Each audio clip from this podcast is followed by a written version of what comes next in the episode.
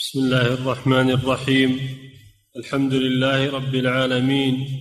وصلى الله وسلم على نبينا محمد. أما بعد قال المصنف رحمه الله تعالى باب فضل صلاة الجماعة ووجوبها. بسم الله الرحمن الرحيم. الحمد لله رب العالمين. صلى الله وسلم على نبينا محمد على آله وأصحابه ومن اهتدى بهداه. قال رحمه الله باب فضل صلاة الجماعة ووجوبها أي ووجوب صلاة الجماعة.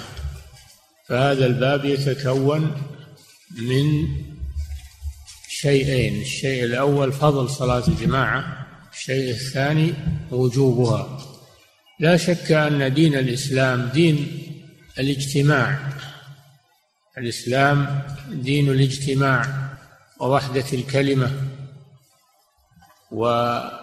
والائتلاف وعدم التفرق في جميع الأمور ولكن في العبادات. الاجتماع في أداء العبادات. هذا تمرين وتربية على الاجتماع في غيرها. الله جل وعلا يقول واعتصموا بحبل الله جميعا ولا تفرقوا. ويقول جل وعلا ولا تكونوا كالذين تفرقوا واختلفوا. من بعد ما جاءهم البينات.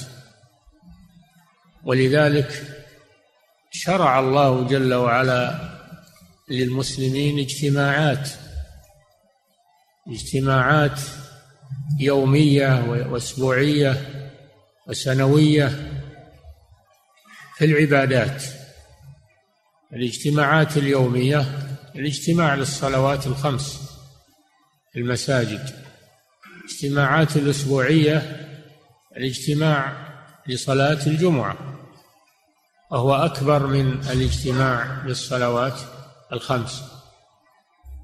الاجتماع السنوي الاجتماع لصلاة العيدين.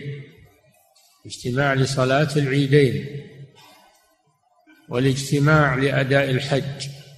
كل هذه اجتماعات ومواسم يجتمع فيها المسلمون ويلتقون على عبادة الله وعلى طاعة الله وفي بيوت الله وفي مشاعر الله. مما يدل على أن الإسلام دين الألفة. والاجتماع لأن الاجتماع فيه خير. صلاة الجماعة فيها خيرات كثيرة. أولا أن فيها الفضل الذي سيأتي في الأحاديث.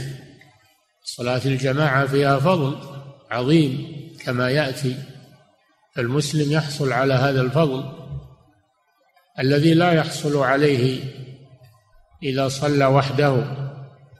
ثانيا أن صلاة الجماعة فيها حرز من الشيطان فإن الشيطان كما قال النبي صلى الله عليه وسلم ذئب الإنسان وإنما يأكل الذئب من الغنم القاصي. ولذلك شرع الله لنا الاجتماع لأداء الصلاة لأن الشيطان لا يتسلط على الجماعة ولا يتسلط على المسلم وهو في جماعة وإنما يتسلط عليه إذا انفرد وصار وحده وصلى وحده مثل الشاة إذا انفردت عن الرعية وعن الراعي فإنها يتسلط عليها الذئاب فالمسلم إذا حضر لصلاة الجماعة ابتعد عنه الشيطان. وكل ما كثرت الجماعة كان أبعد للشيطان. ومن فوائد صلاة الجماعة تعارف بين المسلمين والتراحم تفقد بعضهم لبعض. فإذا التقوا في بيت من بيوت الله وسلم بعضهم على بعض ورأى بعضهم بعضا حصل بينهم التعارف وحصل بينهم الألفة وإذا غاب أحد منهم فقدوه وسألوا عنه فإن كان كسلان نصحوه ووعظوه وأخذوا على يده وألزموه بصلاة الجماعة رحمة به وإحسانا إليه من أن يتسلط عليه الشيطان وتفوته هذه الفضائل.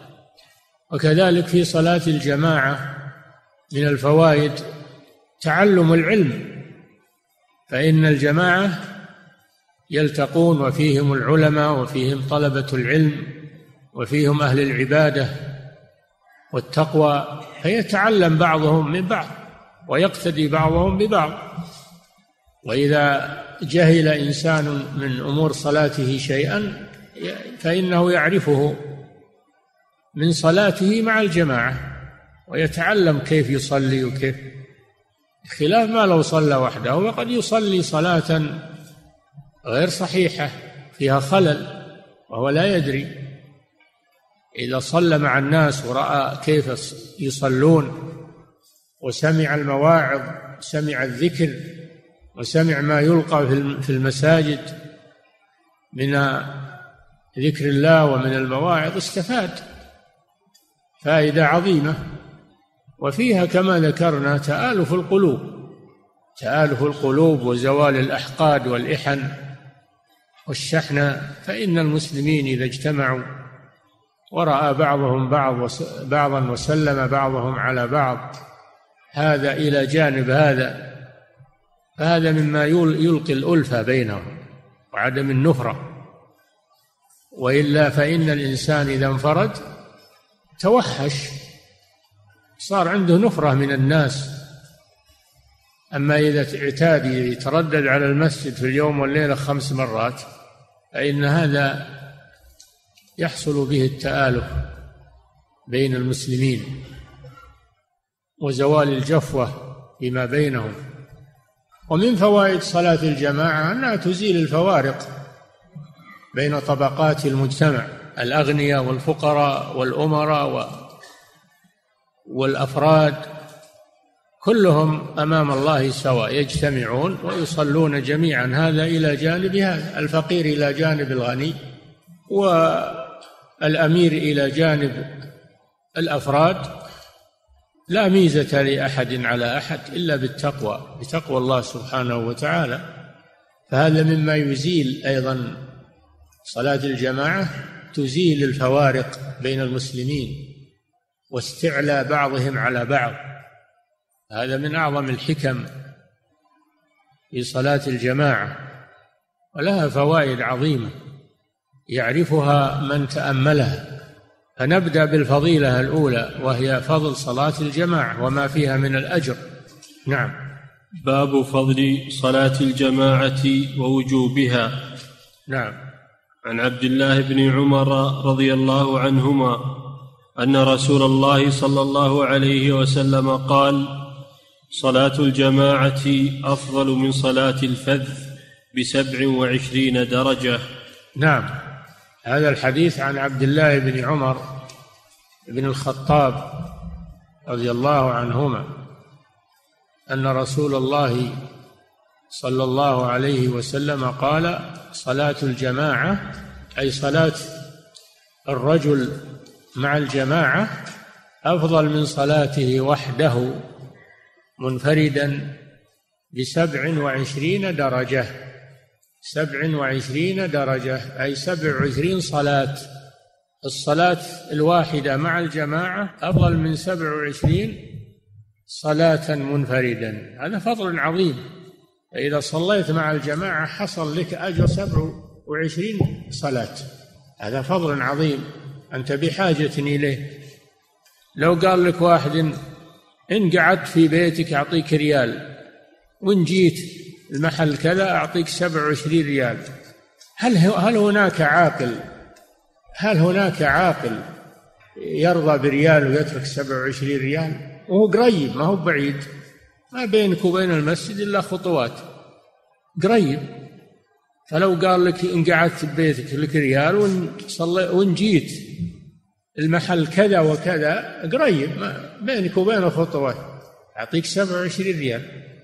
فما هناك عاقل يبي يرضى بريال ويترك سبعة وعشرين ريال وهو ما بينه وبينها إلا مسافة يسيرة.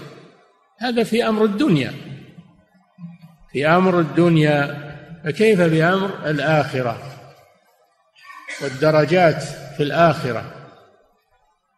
خطوات تمشيها وتصلي مع أخوانك وتحصل على سبع على أجر سبع وعشرين صلاة.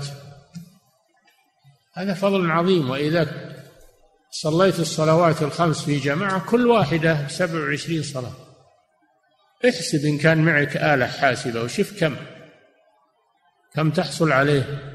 اليوم والليلة هذا فيه فضل عظيم. يؤخذ من الحديث صحة صلاة المنفرد. يؤخذ منه صحة صلاة المنفرد من غير عذر ولكنها قليلة الأجر بالنسبة لمن صلى في جماعة. وهذا مذهب الجمهور أن صلاة الفذ صحيحة لكن هي قليلة الثواب وقليلة الأجر. وذهب بعض العلماء كشيخ الإسلام ابن تيمية إلى أن صلاة الجماعة شرط لا تصح. لو صلى وحده لا تصح صلاته وهو يقدر على صلاة الجماعة. صلاة الجماعة شرط لو صلى وحده من غير عذر ما صحت صلاته لأن الله أمر بصلاة الجماعة. قال واركعوا مع الراكعين. وقال عليه الصلاة والسلام من سمع النداء فلم يجب فلا صلاة له إلا من عذر. وقوله لا صلاة له ظاهره أنه, أنه لا تصح صلاته فهي شرط. والجمهور يقولون لا صلاة له يعني ليس له صلاة كاملة وإلا فهي مجزئة. صلاته مجزئة لكنها ليست كاملة فالنفي للكمال وليس نفيا للأصل هذا مذهب الجمهور. وعلى كل القولين يدل على أن الذي يصلي وحده ويترك الجماعة أنه خاسر أنه خاسر أجرا عظيما إما أنه لا تصح صلاته وهذا خطر وإما أنه يفوته أجر عظيم وثواب جزيل. في اليوم والليلة. نعم. فضيلة الشيخ يقول السائل هل أجر الجماعة الأولى في المسجد مع الإمام مثل أجر الجماعات الأخرى؟ من فاتتهم الصلاة وجاءوا إلى المسجد وصلوا جماعة لهم الأجر في ذلك. لهم الأجر في ذلك. لأنهم صلوا جماعة في المسجد وفاتتهم صلاة الجماعة مع الإمام. فلهم الأجر إن شاء الله. لكن ما في شك أن التقدم إلى المسجد وانتظار الصلاة وحضور الإقامة مع الإمام والصلاة مع الإمام أفضل. ما في شك هذا. نعم.